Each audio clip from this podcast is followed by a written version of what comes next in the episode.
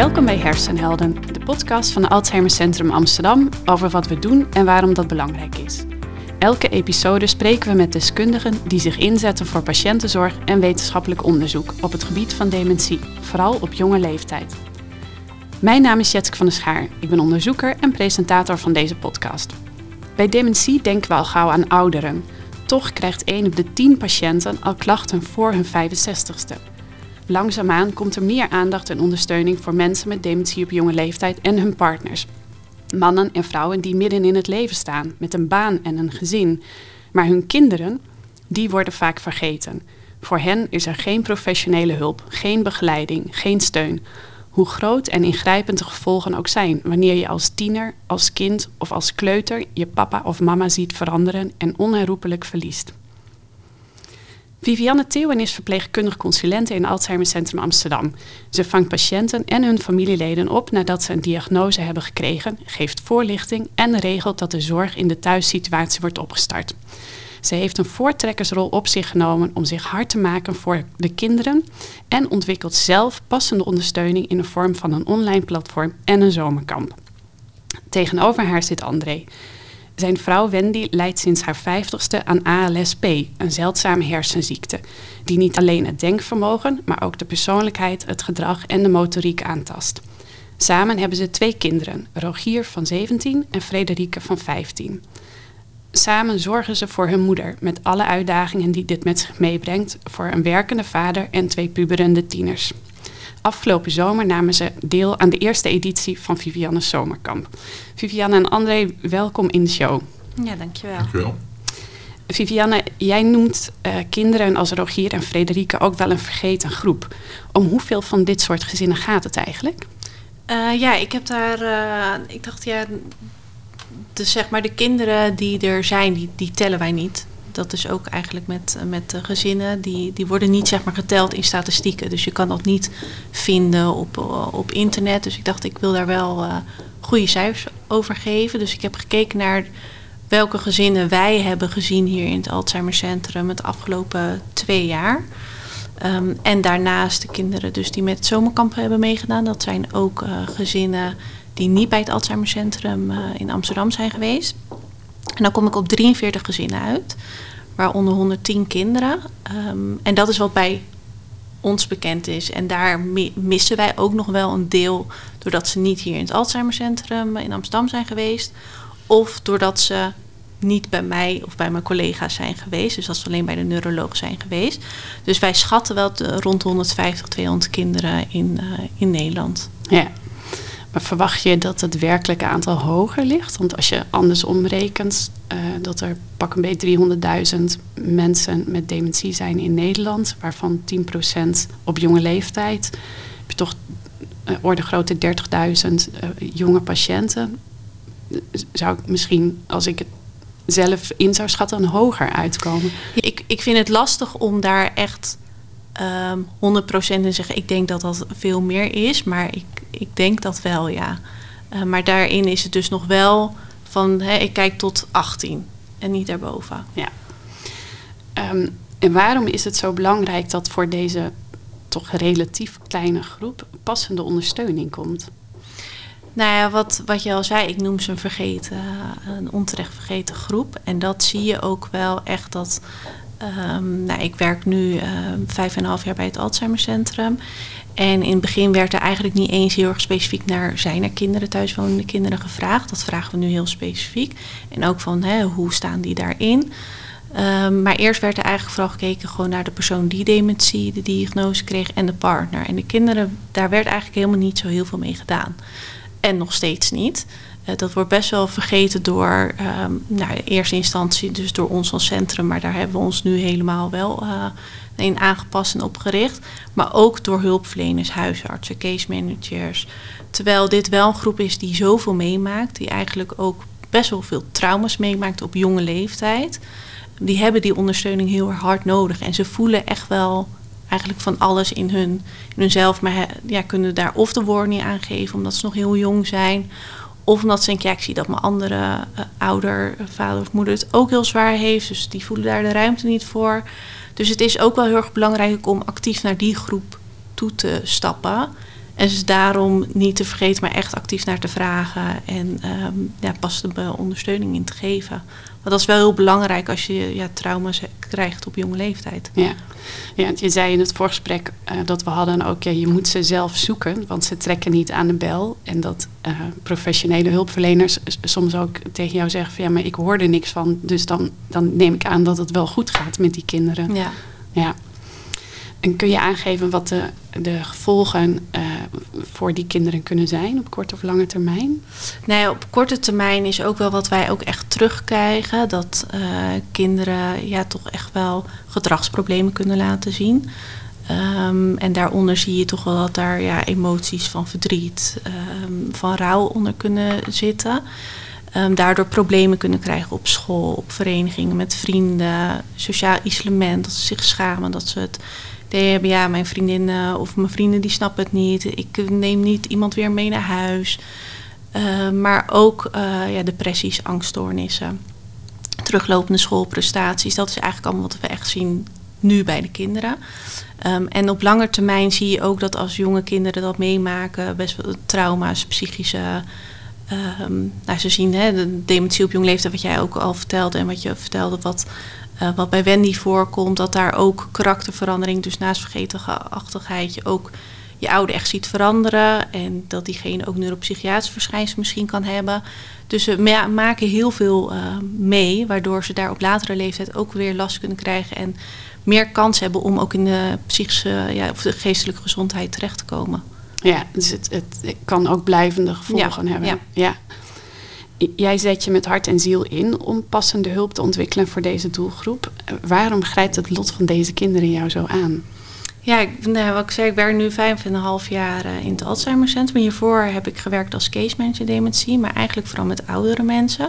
Dus ik heb nooit echt daar jonge kinderen, ben ik daar niet tegengekomen. Maar hier greep me het wel gelijk aan van, hé, hey, dit zijn echt wel hele jonge kinderen. Waarom wordt hier niet naar gevraagd? Waarom wordt hier niet iets mee, uh, gedaan? Um, en daarnaast, um, nou, dat, wat mij daarin zo integreert, is dat er dus eigenlijk ook vanuit wordt gegaan van ze laat zich niet horen, dus het zal wel oké gaan. Um, en mijn persoonlijk daarin raakt dat ik, ik, ik ben mijn vader verloren op jonge leeftijd aan, uh, aan zelfmoord. En ik voelde heel veel. Maar doordat ik daar geen woorden aan kon geven, werd, daar, werd ik niet, ik kon ook zelfs niet huilen, werd ik niet getroost. Of dat daar Um, nou, dat er echt uh, specifieke ondersteuning voor kwam. En ik denk dat je als ouders daarin de beste intenties hebt en um, um, die je kinderen zo goed mogelijk wil ondersteunen. Maar dat, dat daar dus wel veel meer speelt dat je dat misschien op eerste instantie kan zien. En dat het daarom wel echt wel belangrijk is voor kinderen om daarover te praten, om verbinding met elkaar te vinden. En dat die lotgenoten uh, contact, nou ja, waar we later ook over zullen hebben, dat dat echt wel nou, heel belangrijk is. Ja. ja. Ja, ja wat aangrijpend en ook um, mooi dat je je eigen persoonlijke ervaring gebruikt om aan deze kinderen de steun te geven die jij zelf niet hebt gehad. Ja, ja nou daarin kan je wel inleven in de kinderen. En dat is inderdaad waar ik me wel zo hard wil maken voor deze groep van uh, die voelen echt wel heel veel. Er speelt van alles in dat kopie. Ja, wonderenswaardig. André, um, als we de tijd een paar jaar terug zouden spoelen hè, naar de periode waarin Wendy nog gezond was, hoe zag jouw gezin er toen uit? Hoe, hoe waren de rollen toen verdeeld? Um, Wendy werkte parttime, ik werkte fulltime. We deden samen het huishouden, uh, opvoeden van de kinderen. Uh, ja, dat, dat, ja, dat zag er eigenlijk perfect uit voor ons. Uh, we uh, konden doen en laten wat we wilden eigenlijk. Uh, van, van, met de hobby's van de kinderen, eigen hobby's, uitgaan, uiteten, theater, dat soort zaken. Dus dat, ja, gelukkig, zullen we maar zeggen. Ja. En wat waren voor jou de eerste signalen dat er iets aan de hand was met je vrouw? Um, nou, Wendy heeft altijd gewerkt als, als, of de laatste jaren heeft ze gewerkt als office manager. Was, was gewend om binnen, binnen het bedrijf wat ze, uh, uh, waar ze werkte eigenlijk gewoon alles te regelen. Uh, plat gezegd, thuis was dat ook, hè, de, de, de gezinsmanager om het maar, maar, maar, zo te zeggen. En ehm, ja, zij, ja, was op een gegeven moment kwijt. Hè? Van, van, van het overzicht raakte ze kwijt. Hè? Van als de kinderen moesten trainen of zo, of op welke dagen, welke tijden. Dat, dat had ze altijd nou, gewoon in haar hoofd zitten van hoe, wat, wanneer. En nou, wanneer eh, kan ik iemand thuis verwachten, of wanneer moet het eten klaarstaan, of wanneer juist niet. En op een gegeven moment eh, eh, ging ze een vakantie boeken. En, en nou, we kwamen, dat was eigenlijk net voor de coronaperiode. En ze had hem echt gewoon een maand verkeerd geboekt. Binnenkort gaan we weg, gaan we op vakantie. En nou, begin april gaan we weg. Eh, ja, maar als ik in de reispapieren kijk, eh, eh, hebben we hem begin mei geboekt. Hm. Foutje, raar. Hè? Nou ja, kan gebeuren. Maar van, van, van dat soort dingen. Van, van, dat, als je zei van je moet naar boven, dat ze de neiging had om naar beneden te lopen. Of nou, links-rechts gooiden ze altijd al door elkaar. Dat, dat, eh, eh, dat waren we wel gewend. Maar ja, eigenlijk van, van, van die onzichtbare dingetjes. En als je dan later de puzzelstukjes allemaal bij elkaar hebt en je gaat de puzzel in elkaar leggen, dan ga je wel, wel eh, dan ga je misschien wel vier jaar terug. Ja, dat, je- dat ik het voor mezelf kan herinneren. Dat ik denk van, hé, hey, wacht even. Toen en toen gebeurde er iets. Hey, dat, zou, hè, zou dat dan misschien al een van de eerste dingen geweest zijn... van openbaring van de ziekte? Nou, Wendy is altijd een hele lieve vrouw geweest. Ja, en op een gegeven moment... Ja, werd, ze daar wat, ja, wat, wat korter af in. Maar dat is niet... Ja, dat, dat kan, hè. Met twee puberende kinderen mi- midden... Ja, corona speelde toen ook. Hele andere situatie. Hè. Niet, niet naar werk. Twee kinderen die vijf dagen in de week gewoon thuis zijn. Ik denk dat iedereen... Ja, en, eh, iedereen die zal wel eens een keer met zijn wenkbrauwen Ja. gefronst hebben en gegromd hebben. En, en ja, achteraf dan denk je ook bij jezelf, joh, hoe ben ik zelf zo blind geweest dat ik het niet eerder gezien heb. Maar ja, we, veranderen allemaal. Hè. Dat, dat, dat, dat heeft, eh, heeft met de buitenkant te maken. Dat je gewoon een oude, oude vent wordt en, en, en, en noem maar op. Maar ja, dus hè, voor zover ik na kan gaan, dan, dan, dan denk ik toch al dat, dat ik vier, vier en een half jaar, dat, dat, dat echt voor onze waarnemer de, de eerste, eerste Ja. veranderingen begonnen te spelen. En wanneer kregen ze de diagnose? Eh, dat is eh, november twee jaar geleden. Twee jaar geleden, Ja. ja. En wat deed dat met jullie als gezin? Hoe, hoe reageerden jullie daarop? Eh, dat, nou ja, dat. eh, je, het staat niet op de grondvesten te trillen. Je huis, je huis wordt gewoon gesloopt. Ja, Dat, ja, zo. hè, dat, dat, je hele wereld stort in elkaar. Dat, dat is. eh, hè, waar je denkt van samen oud worden, samen de kinderen opvoeden, eh, eh, noem alles maar op. Dan, dan, dan denk je bij jezelf: joh, eh, ja, dat is weg. Je- ja, dat. dat het, het komt niet als een klap binnen. Het is echt gewoon, gewoon ja, alle- alles stort in elkaar het speelde eh, in, in de coronaperiode. Dus op een gegeven moment.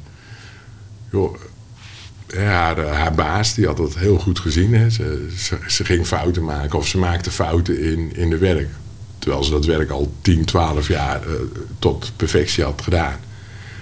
En dan vroeg ik, joh, wat is er? Ik zei, Ik wil dat je naar de dokter gaat. Nou, misschien burn-out-achtige klachten, overspannen. Nou, ja, alles online. Dus nou, de dokter zag niks. Hij zei, joh, ik blijf het terug zien komen. Maar hij heeft me op een gegeven moment gebeld. Wendy zat naast hem. Hij zei, joh, ik bel je. Ik zeg, ik wil dat je samen met Wendy naar de dokter gaat. Want ik zie dingen bij haar waarvan ik denk, waar ik me zorgen over maak. En eh, Wendy is degene die, ja, die het beste verbloemt en ont... Ja, ontkennen is nog geen eens eh, het goede woord. Zij zag het niet, zij zag het probleem niet. Zij zei, ja oké, ik heb een fout gemaakt. Ik ga de volgende keer mijn best doen om het niet te doen. En vervolgens maakt ze in hetzelfde werk eh, een tijdje later dezelfde fout. Ja, dan doe ik volgende keer weer gewoon mijn best. En zoiets van, joh, wat is dat raar. Dus zijn we samen naar de dokter gegaan. En eh, nou, doorverwezen. En dat duurde even. En nou, dan, was het, dan ga je zo- zo'n traject in. Van, dan gaat u naar de geheugenpolie. En dan, nou, de eerste intake hadden we gehad en we werden de dag erop gebeld. Uh, UMRI van over anderhalve maand is, is volgende week. Nou, toen plofte er bij mij al een redelijke bom ging af. En ja, daarna stap je in een, in een ja, ik zeg altijd, het is een achtbaanrit. Hè, waar je niet voor, voor gekozen hebt. Je zit in het karretje, je weet niet hoe vaak je over de kop gaat en waar het ophoudt. Maar je kan er ook niet uit. Nee. En nou, die, dat karretje is gaan rijden en uh, tot die tijd uh, blijven we maar over de kop gaan met z'n allen. En jouw kinderen? Ja, ook. Ze, ze, waren toen uh, eh, 15 en 13. Wel altijd daar open over geweest. Uh, de, ook, ook een beetje afhankelijk van de leeftijd. Van, joh, wat, op, op die leeftijd, joh, ze zijn slim genoeg en, en, en ja, bij de hand genoeg. als, je, als je het wegstopt, dan, dan krijg je hem als een boemerang terug in je eigen gezicht. Dus daar zijn we altijd wel, wel wel heel open en eerlijk naar ze, naar ze geweest. Ja, die, die, ja, die zit in diezelfde achtbaan. Ja. En, en ja, dat is dan wel wat lastiger. Ik weet niet wat er in hun hoofd speelt. Ik durf ook wel te beweren dat ik niet weet wat er allemaal in mijn eigen hoofd speelt. Omdat het zoveel is. Die hebben we daarin meegenomen. Hè, gezegd van hoe of wat. En uh, ja, dan zie je ook gewoon het verdriet. En, en, en joh, eh, de, de, de onzekerheid. En hè, waar gaan we naartoe met, uh, met z'n allen? Want de achtbaan gaat hard, hè? Ja, de achtbaan gaat heel hard. Ja. Uh, denkt van, joh, hoeveel tijd hebben we, hoe, hè, wat moeten we wanneer regelen, uh, word je gewoon weer ingehaald door de, door de werkelijkheid. Ja. En ja, staan we met z'n allen te kijken. Want daar komt het eigenlijk op neer. En dat is misschien wel het meest frustrerende van de hele situatie. Je staat erbij en je kijkt ernaar. En uh, uh, hoe goed ook iedereen zijn best doet. We kunnen er met z'n allen voorlopig nog uh, bar weinig tegen doen. En dat, dat gevoel van machteloosheid, dat, dat heb ik, maar dat hebben onze kinderen ook. Um, te tegen welke uitdagingen lopen zij aan? Ze missen hun moeder laten we dat, dat, dat, dat voorop stellen. Uh, de, uh, waar, waar je in een normale situatie hebt een ouder die zorgt voor de kinderen, is dat, uh, is dat eigenlijk 180 graden omgedraaid. Hè. Kinderen waken over hun, hun moeder als, als, als ze thuis is. Ehm, maken zich zorgen om mij, maken zich zorgen over zichzelf. Hebben verdriet, zijn boos. Ja, er, er komt van alles. Ja. Er komt er een hele hoop voorbij. En in praktische zin, hè, wat, wat houden de zorgtaken van jouw kinderen in? Nou, ik, ik of de taken, dat is natuurlijk niet het woord. Maar... Nou ja, van, van, nou ja, ja met, met, met welke zorg belast je ze en of je het dan een taak noemt of, of je, je hoeft het geen eens aan ze te vragen, ze doen het gewoon. Maar ik werk in ploegendienst en op het moment dat ik niet thuis ben of, of nou, toen ben je nog gewoon uh, thuis woonde, dan was het als ik als zij terugkwam van de dagbesteding en ik was aan het werk, dan, ja, dan paste zij op hun moeder op. In plaats van dat het andersom was. En, en niet dat ze daar heel druk mee waren, maar wel gewoon constant het idee om te zorgen dat, uh, ja, dat, dat Wendy geen dingen ging doen die we met z'n allen niet wilden hebben. Ja, het was echt de omgekeerde wereld. Ja. ja. En in hun omgeving, hoe, uh, hoe, gaan, hoe gaan ze ermee om met vrienden of als ze met Wendy buiten de deur zijn? Nou, dat, is, dat is heel, heel dubbel. Super waakzaam. Ze zijn allebei echt super ja, bezorgd. Uh, uh, pas op hun moeder, noem maar op. ze hebben het wel gedeeld met een aantal vrienden en, en klasgenoten en, en, noem maar op. Maar dat, dat is heel beperkt. En, en ze zien ook gewoon bijvoorbeeld terug van ja, hè, dat ze dat heel erg vinden. Maar hun vrienden of, of vriendinnen kunnen zich geen beeld vormen bij van wat dat nou precies is. wat, wat, wat overkomt je nou als, ja, als, als jongen of meisje als je, als je vader of moeder dit overkomt? En ja, dan even terug naar het kamp waar we het net over hadden. Dat, dat is een heel fout woord, maar dat was wel een feest van herkenning. Van, van, hè, met een half woord, hè, mijn vader of mijn moeder hè, doet dit, deed dit. Hè, en daar vind ik dit en dit van. En ja, dat, dat haakt wel heel makkelijk aan. En dan kunnen ze ook gewoon veel makkelijker praten hè, met, met leeftijdsgenoten en lotgenoten over van wat ze overkomt. Ja. Dus ook dat sociaal isolement, misschien wat jij benoemde, dat, dat veel kinderen het gevoel hebben dat zij de enige zijn Ja. die in deze situatie zitten. Ehm, en dat zij de enige zijn met dit soort problemen, denk, denk ik toch. En Ja. uitdagingen en soms tegenstrijdige gevoelens. Ik kan me voorstellen dat je, dat je dan misschien als kind ook denkt... ik mag dit niet voelen, of het ligt aan mij, of ik moet het beter doen. Of, Ja, nou wat je zei, dat ze zich inderdaad alleen voelen, dat, dat voelen ze vaak. Dat is bijna ook letterlijk zo, omdat ze geen andere kinderen of gezinnen kennen die in precies dezelfde situatie ehm, zitten. En daarin speelt ook wel, en ik denk dat jij dat misschien ook wel herkent, schaamte naar, naar vriendinnen of niet meegaan naar eh, hè, dat, dat eh, je moeder of vader, nou, die wil ik niet meer hebben dat die bij mij een voetbalwedstrijd komen kijken, want dan schaam ik me. Of, dus dat speelt ook wel heel erg mee, waardoor ze mensen op afstand houden, of misschien vriendinnen, vrienden op afstand houden. Van nou, die heb ik liever niet dat die thuiskomen, want dan zien ze hoe het bij mij thuis gaat. Ehm, en daarnaast wil je, wil je ook niet, niet anders zijn ehm, dan, dan andere kinderen. Dus durf je daardoor ook niet eh, te zeggen. Het niet mogen voelen ehm, van die gevoelens. Sommige kinderen hebben dat wel, maar niet allemaal. Het is niet dat ze dat. En zo geldt dat hè, met alles wat we eigenlijk hier bespreken, is dat, dat alle kinderen zijn zo anders. Die hebben zo een ander gezin, een andere rolverdeling in het gezin, ander karakter, maar hebben misschien ook al eerder ingrijpende gebeurtenissen meegemaakt, waardoor ze anders mee omgaan. Maar er zijn inderdaad wel kinderen die denken, ja, die, die boosheid of dat ik soms boos word op mijn vader of moeder, dat ze zich daar weer heel schuldig over gaan voelen. Van ja, ik mag daar eigenlijk niet boos op zijn, want mijn vader of moeder kan er ook niks aan doen, dat die, want die is ziek. Dus dan gaan ze weer schuldig voelen en weer verdrietig. Dus dat, dat zie je wel heel erg terug. Dat ze het heel lastig vinden om met die gevoelens om te gaan. En zich daar ook dus heel erg alleen in voelen. ja. Jij hebt afgelopen zomer voor het eerst een zomerkamp georganiseerd. Wat, wat houdt dat precies in? Ja, ja, ik heb samen inderdaad met mijn eh, collega's een eh, zomerkamp Breinspoken, ehm, hebben we het genoemd, eh, georganiseerd. Dat was eigenlijk een droom vanuit mijn collega Freek Gillis en mij om, dat, om dat te doen. We hebben dat eh, gehoord bij de North Sea Dementia Group. Dat is een groep ehm, vanuit verschillende landen om de Noordzee. ehm, die, die werken in de dementiezorg. En dat zijn dan eigenlijk dus ook vooral ja, verpleegkundige onderzoekers. En dat eh, doen we één keer in het jaar. Komen we samen met elkaar om. Kijk, ja, hoe gaat het bij jullie in het land? Welke initiatieven zijn er? Wat kunnen we daarvan leren? En ehm, nou, in Noorwegen geeft dit kamp nu al zeven jaar. Dus dat is wel iets dat we dachten, ja, dat is, dat is geweldig. Dat moet hier ook komen. Nu hebben we daar heel veel subsidieaanvragen voor gedaan. En helaas elke keer afgewezen. Omdat het, denk ik, zo'n re- relatief kleine groep is.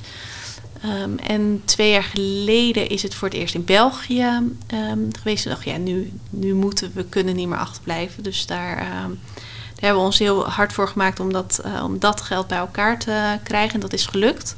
En vorig jaar hebben we dus in de afgelopen zomer, in augustus, hebben we de eerste zomerkamp eh, gehad. Nou, daar is André samen met zijn kinderen bij geweest. En dat, nou ja, André zei het net eigenlijk al een beetje, die, die herkenning. Het, ons doel was daar ook heel erg om gezinnen bij elkaar te brengen. Dat zich niet alleen voelen, dat zich gezien voelden, gehoord voelden, begrepen voelden. En dat ook ouders, want het is voor de kinderen en voor de gezonde ouder, dat die ook met elkaar in contact kunnen komen. Ja, hoe pakken jullie dit aan met jullie kinderen?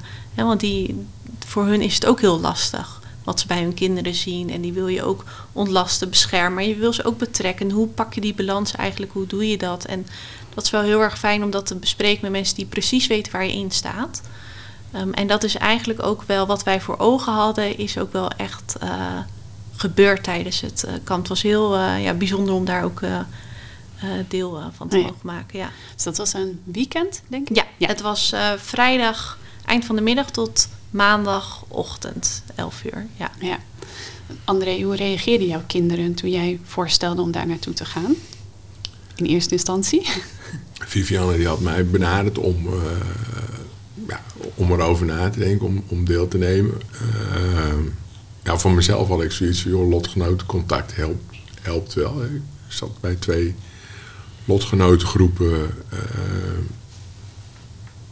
joh, dat, helpt. ik denk dat mijn kinderen het ook nodig hebben. Dus ik had de inschatting gemaakt van dat Rogier, joh, die, die, die krijg ik wel mee. Voor Frederike had ik zoiets joh, die, die moet ik misschien zien te, zien te overtuigen. Ik ben met haar het gesprek aangegaan. Joh, ik zie voor mezelf dat dat helpt. En ik denk dat het voor jou ook zou, uh, zou kunnen helpen. Dat, uh,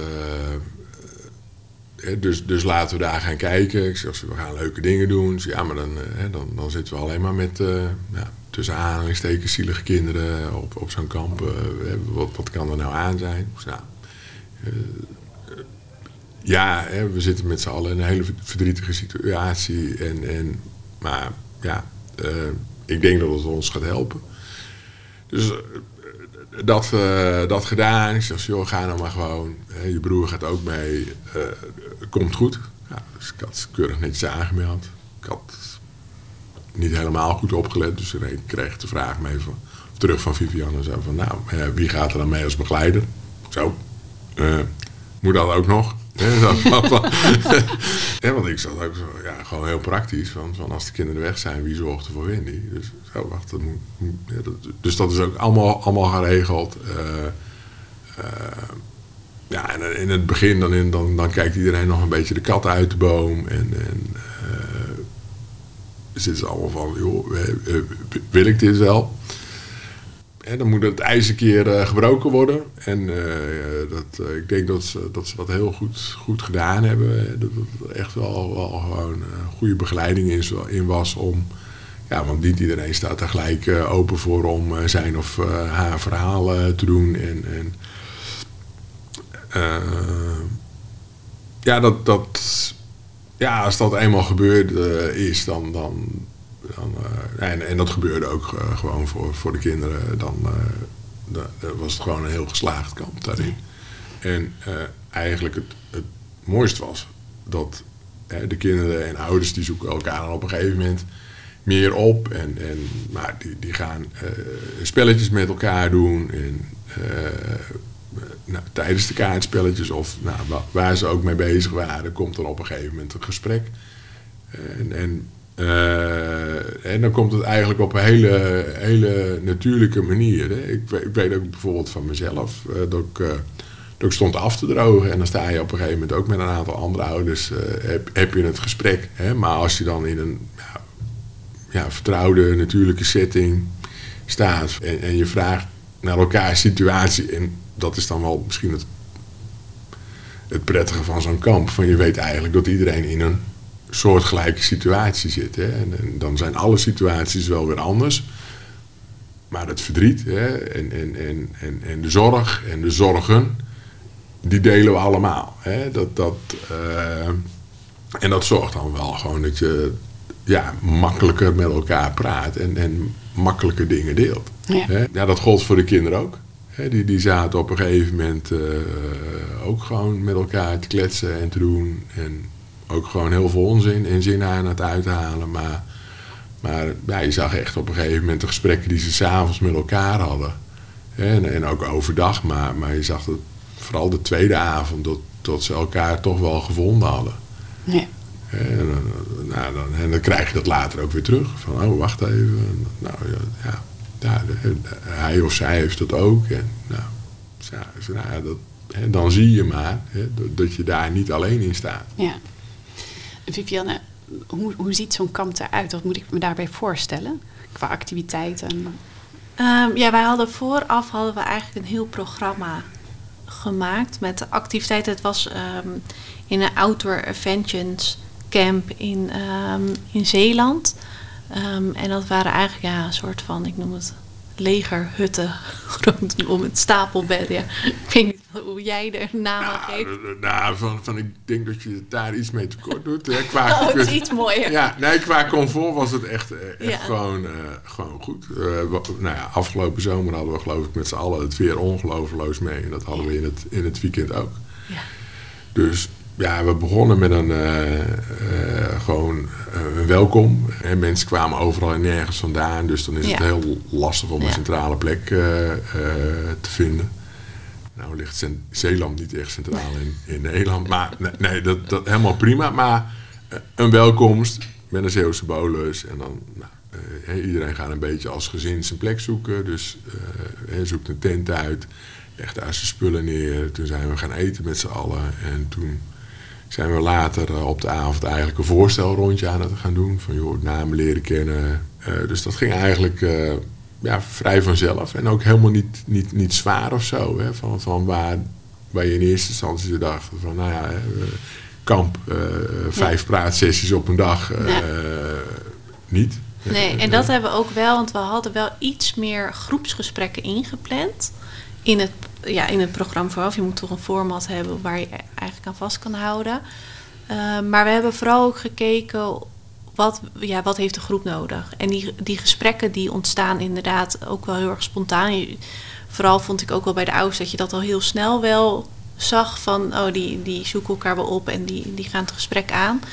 Um, sommige kinderen wat lastig. Daar hebben we sommigen wel eigenlijk een ja, door middel van toch wel met, als begeleiders met elkaar te bespreken. Nou, misschien is zo'n groepsgesprek nu wel passend om een klein beetje die drempel voor hun te verlagen. Dat we daar ze een beetje mee helpen.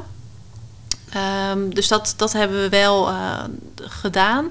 Maar we hebben ons eigenlijk niet zo heel erg meer vastgehouden aan dat mhm. hele programma. We hebben vooral eigenlijk gekeken, ja, wat, wat heeft de groep nodig? En als je ziet dat dat toch vanzelf op een gegeven moment gaat en dat dat, dat kleine setje eigenlijk al genoeg is. En inderdaad, weer zegt de tweede avond, volgens mij hebben ze daar ook voor tot half twee s'nachts ja. zoiets gezeten.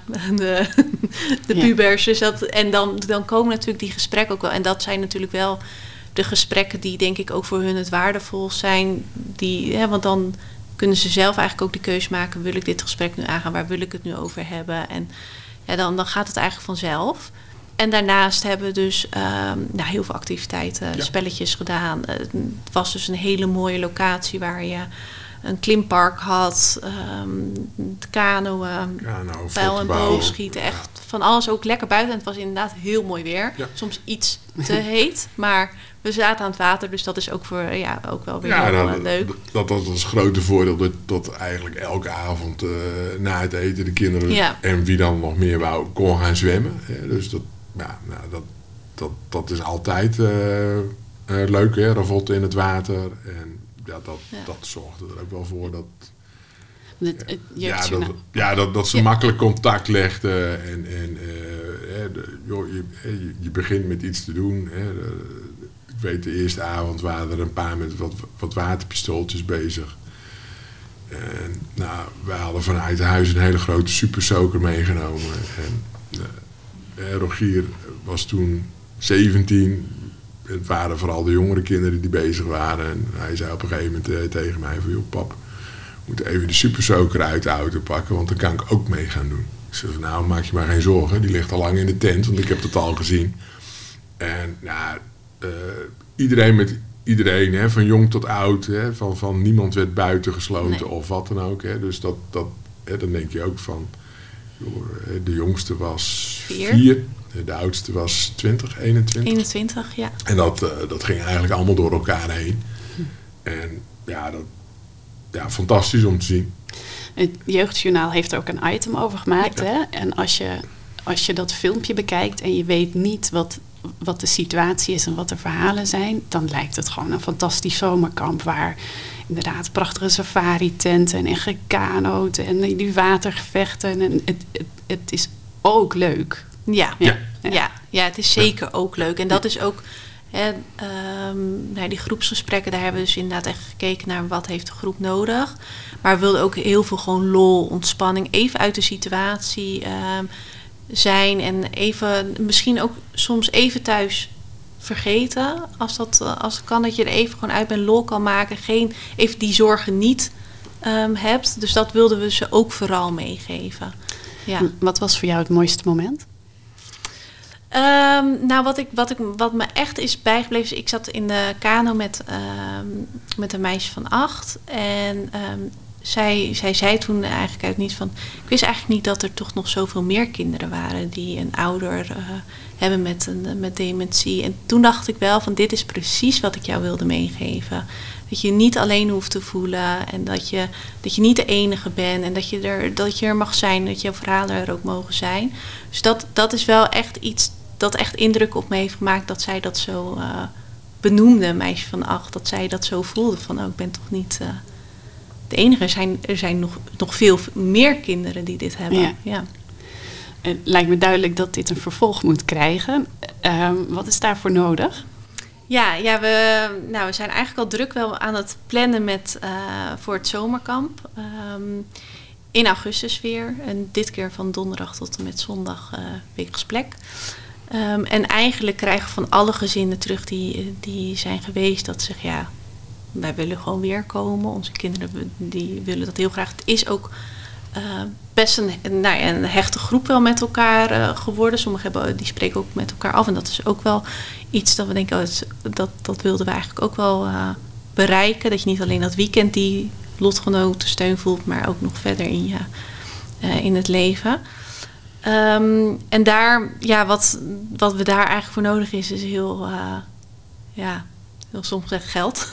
Ja, dat, dat is wel uh, ja, wat we dus, nou ja, wat ik al vertelde, die subsidie aanvragen, dat, dat wordt toch eigenlijk elke keer afgewezen. En wij, ja, we moeten toch wel elke keer met dat geld zelf daar, uh, daarmee aan de slag gaan.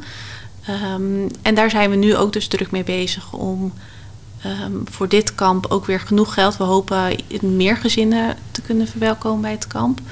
Um, dus dat betekent ook dat het meer geld, uh, meer geld kost. Um, en daarnaast willen we ook nog een verder uh, vervolg geven, wat jij al in het begin zei, voor een online platform. Nou ja, daar zie je toch ook wel weer dat ja, je, hebt, overal geld voor, uh, voor nodig. Uh, maar we zijn er druk mee bezig. De datum staat al. De gezinnen melden zich al aan. Er zijn nieuwe gezinnen die, die dit toch hebben gezien bij Jeugdjournaal. Die het eerst niet aandurfden. En nu zeggen, ja, wij willen toch ook volgend jaar wel komen. Dus dat is ja, wel heel mooi om, om te zien, ja. ja. Nou, als er luisteraars zijn die denken: ik vind dit zo'n geweldig initiatief, ik wil dit graag steunen. Of als ze uh, gezinnen kennen met uh, jonge kinderen van ouders met dementie op jonge leeftijd, ja, dan kunnen ze zich bij ons melden. Ja. Er, zijn, er is nog ruimte, hè? Ja, er is zeker nog ruimte. En um, nou ja, als je www.breinspoken.nl gaat, dan kom je eigenlijk op een pagina nu nog op. Um, op het Alzheimer Centrum, de website, is een pagina gemaakt. Daar staat eigenlijk heel veel informatie. Ook het filmpje van uh, Jeugdjournaal. Ook een korte documentaire van het, uh, van het weekend die gemaakt is vanuit het Alzheimer Centrum. En daar staat ook hoe je je kan opgeven en ook hoe je ons eventueel kan steunen. In deze podcast um, hebben we ook voor uh, elke gast twee korte vragen. En uh, dus ik heb voor jullie allebei de vraag: wat is de meest waardevolle les die je van het zomerkamp hebt geleerd? En ik kijk even wie van jullie als eerste een antwoord paraat heeft. Geleerd niet, meegenomen wel is dat uh, ja, met, met lotgenoten over praten je toch echt kan helpen. Dat, en dat je er ook niet alleen in staat. Of, of, of dat je de enige bent. Hè. Dat, ja, dat, dat is eigenlijk denk ik de grootste winst. Ja, en, ja, ik heb al net eigenlijk ook wel een, voorbeeld gegeven. Maar ook dat er naast dat er zoveel zorgen zijn, uh, leed, pijn zijn, zie je ook heel veel kracht, vind ik, bij deze uh, gezinnen. En dat wordt ook met elkaar gedeeld. En ik denk dat je daardoor ook wel weer door dat contact ook weer kracht kan, kan halen. En misschien uh, nou ja, een bagage om mee naar huis nemen om daarin misschien ook weer verder te kunnen. Um, en wat ik ook, ja, om toch ook door te blijven gaan als je ergens hard voor wil maken. Van, um, dat je daar dat uiteindelijk het zo mooi is als je zoiets bereikt en dat, dat, dat je dat gezinnen mee kan geven. En dat is meer wat ik meeneem van persoonlijk vanuit ja. mezelf. Ja. Ja, ja. En wat is voor jullie beiden het belangrijkste punt dat je mee wil geven aan onze luisteraars? Ja, ik denk eigenlijk wel wat, wat, wat jij net zegt. Dat je daar zoveel uit kan, uh, kan halen. Dat, dat zien wij ook wel heel erg terug bij de, de sportgroepen die wij geven hier. Maar dus nu ook bij kinderen. Dat, dat lotgenotencontact, verbinding met elkaar maken, daarover hebben. Dat dat wel heel erg belangrijk kan zijn. En ook hun verder kan helpen in, in de problemen die ze ervaren. En ook voor latere leeftijd, dat dat ook weer ehm, ja, heel belangrijk is. En jij? ik zou zeggen, hè, niemand heeft voor deze situatie gekozen. En ik zou zeggen, schaam je er ook alsjeblieft niet voor. Want het overkomt. Lijkt me een wijze les. Ja. En uh, we houden in elke episode ook een alternatieve theorie, aanpak of behandeling tegen het licht. Iets wat wij veel horen in de praktijk. En voor jullie heb ik de stelling: zolang kinderen er zelf niet over beginnen, kun je dat als ouder, leraar of omstander ook maar beter niet doen. Vinden jullie daar iets van? Oh, ik zie Vivian al lachen. Ja, het is eigenlijk wat ik volgens mij al helemaal aan het begin van de podcast uh, zei. Dat, dat hoor je inderdaad heel vaak. Dat ja, de kinderen komen er zelf niet mee ja, dan zal er ook wel niks zijn. Ehm, of inderdaad, dan begin ik er maar niet over, want dan ehm, belast ik ze misschien ergens mee waar ze helemaal niet uh, mee zitten. Um, en dat, ja, dat is denk ik wel wat ik eigenlijk al door middel van deze podcast, door het werk wat wij doen, door het Zoomkamp, probeer te ontkrachten van deze kinderen. Die, die voelen echt wel heel veel. Die begrijpen misschien niet alles wat, wat er precies gebeurt. dan heb ik het echt over de hele jonge kinderen. Hè? Want je hoort net het zoomkamp van 4 tot 21. Ja, daar zitten zoveel leeftijdscategorieën in en ontwikkelingsfases. Dus eh, de hele jonge kinderen die voelen echt wel veel. Die voelen wat de sfeer thuis is. Ehm, en daar hoef je ook inderdaad niet als ouders hele ingewikkelde gesprekken mee te hebben. Maar wel dat hun gevoelens er mogen zijn. Dat ze de opening voelen of de ruimte voelen om erover te praten. En je ziet dat bij, uh, bij pubers dat ze misschien voelen van ja, ik wil de, ander, de andere ouder niet belasten. Of dat ze verantwoordelijkheden op zich nemen. Terwijl ehm, hun ook met heel veel spelen. En dat, dat ze daarin zelf misschien of niet de stap durven te nemen, of niet die ruimte voelen, of bang zijn juist weer om de ouder te belasten. Dus dan krijg je de muur van de liefde, noemen ze dat dan wel ook, dat je elkaar uh, wil ontlasten, terwijl je allebei met iets zit. Um, en dan is het juist goed om daarover te hebben, om ook die verbinding te voelen en dat het ja, dat alles er mag zijn. En eigenlijk ook wat jij zei, je hoeft, dit overkomt je, je hoeft je niet te schamen. Um, en dat is hetzelfde inderdaad met die kinderen, met de ouders. Dus dat, dat is denk ik ook wat je als ouders, als hulpverlener weer mee wil geven ook aan de kinderen. Ja, en wat ik heel erg merk uit jullie verhalen ook is, als omstander voel je je even goed machteloos, denk ik. En wil je zo graag dingen oplossen. Ja. Uh, terwijl wat jullie eigenlijk allebei zeggen, het is al zoveel waard als het bespreekbaar is en als je contact hebt met mensen ja. in dezelfde situatie. Ja, ja. zeker. Dezelfde situatie. En, en ja, hè, vrienden, familie, bekenden, collega's. Hè, op een gegeven moment is er toch wel een grote groep die weet van je situatie. En, en ja, dat je het niet hoort of ziet. Uh, je kan één ding uh, aannemen, het is er wel.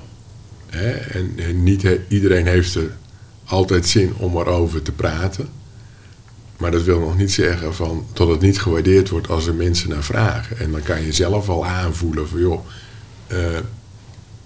hè, ja ik vraag ernaar, maar ik krijg een reactie terug. Het is niet helemaal het goede moment. Of ik vraag ernaar en ja, hè, we hebben wel het gesprek hè, het niet vragen hè, of, of, of interesse tonen, ik denk dat dat, denk dat dat in sommige gevallen nog wel gewoon meer verdriet doet. Nou ja. Vivian en André, ik wil jullie allebei ontzettend bedanken voor um, jullie openhartigheid over zo'n moeilijk onderwerp. Um, en ook de enorme inspanning die jullie doen voor deze kinderen. Uh, ik zei het net al, ik vind het echt bewonderenswaardig. En ik hoop dat dat overkomt bij onze luisteraars. En als iemand uh, ja, hier meer over wil weten of uh, het initiatief wil steunen of nieuwe gezinnen aan wil melden dan uh, zijn ze van harte welkom om contact met ons op te nemen. Dank jullie wel. Graag gedaan. We hebben deze episode opgenomen op 12 januari 2023 in Alzheimer Centrum Amsterdam. Met dank aan Mark Brouwer die achter de knoppen zit. In de show notes van deze aflevering vind je meer informatie over de onderwerpen waar we over spraken. Wil je meer weten over Alzheimer Centrum Amsterdam? Dan vind je ons op Twitter, Facebook, Instagram en LinkedIn als je zoekt op Alzheimer Centrum Amsterdam. Heb je een vraag of opmerking over deze podcast? Stuur dan een mail naar hersenhelden.amsterdamumc.nl. Tot de volgende keer.